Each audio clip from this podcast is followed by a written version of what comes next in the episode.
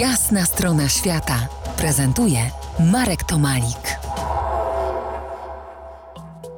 Pozostajemy duszą i ciałem w urokliwych dolinach Beskidu Niskiego. Gości nas dzisiaj Mateusz Sora, organizator warsztatów pisania ikon współczesnych i dr Katarzyna Jakubowska, Krawczyk, pracownik Katedry Ukrainistyki Uniwersytetu Warszawskiego. Mateuszu, powiedz, jak y, zawiązało się mm, Stowarzyszenie Przyjaciół Nowicy? Zaczęło się od, od odnawiania przydrożnych krzyży, a potem Tak, znaczy w tym zaczęło się od szkoły, tak? Znaczy różne rzeczy robiliśmy niejako przy okazji.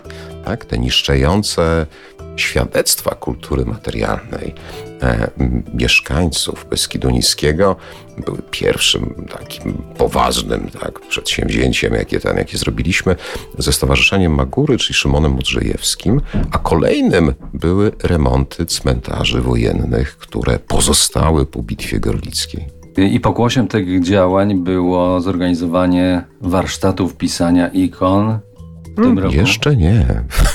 w międzyczasie zrobiliśmy festiwal teatralny Innowica. Tak, i to jest, e, i to jest z, z tymi warsztatami, to jest taka trochę wpadkowa historia, bo myśleliśmy o tym, co może połączyć Polaków i Ukraińców, ponieważ w naturalnej przestrzeni tutaj znajdują się cerkwie, w których są ikony. Te ikony są w Łemkowskich Chyżach. Malowanie ikon jest bardzo popularne w Polsce. Pomyśleliśmy, że może dobrze byłoby spotkać malarzy z Ukrainy i z Polski właśnie w takim miejscu tak? i zobaczyć, co z tego wyniknie.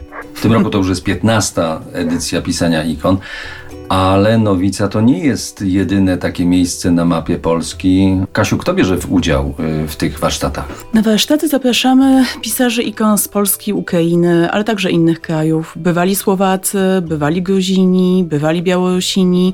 Chodzi nam przede wszystkim o to, żeby stworzyć środowisko artystów.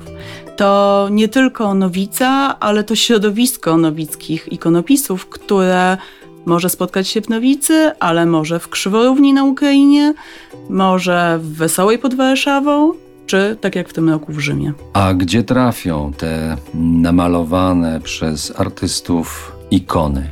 One są w kaplicach i cerkwiach w Beskidzie Niskim, są w Kazachstanie, w Rosji. Najdalej chyba zawędrowała ikona do Semipołatyńska w Kazachstanie. My bardzo chętnie dzielimy się tymi pracami, które powstają w czasie naszych plenerów, ale można je zobaczyć na stałej wystawie w Domu Gotyckim w Nowym Sączu. Tam prezentujemy 25 właśnie prac powstałych w czasie plenerów. A do niedawna taka wystawa przekrojowa była prezentowana e, w Muzeum w Sanoku. Do tematu wystaw, do tematu e, ikonopisania wrócimy za kilkanaście minut. Zostańcie z nami. To jest Jasna strona świata w RMS Classic.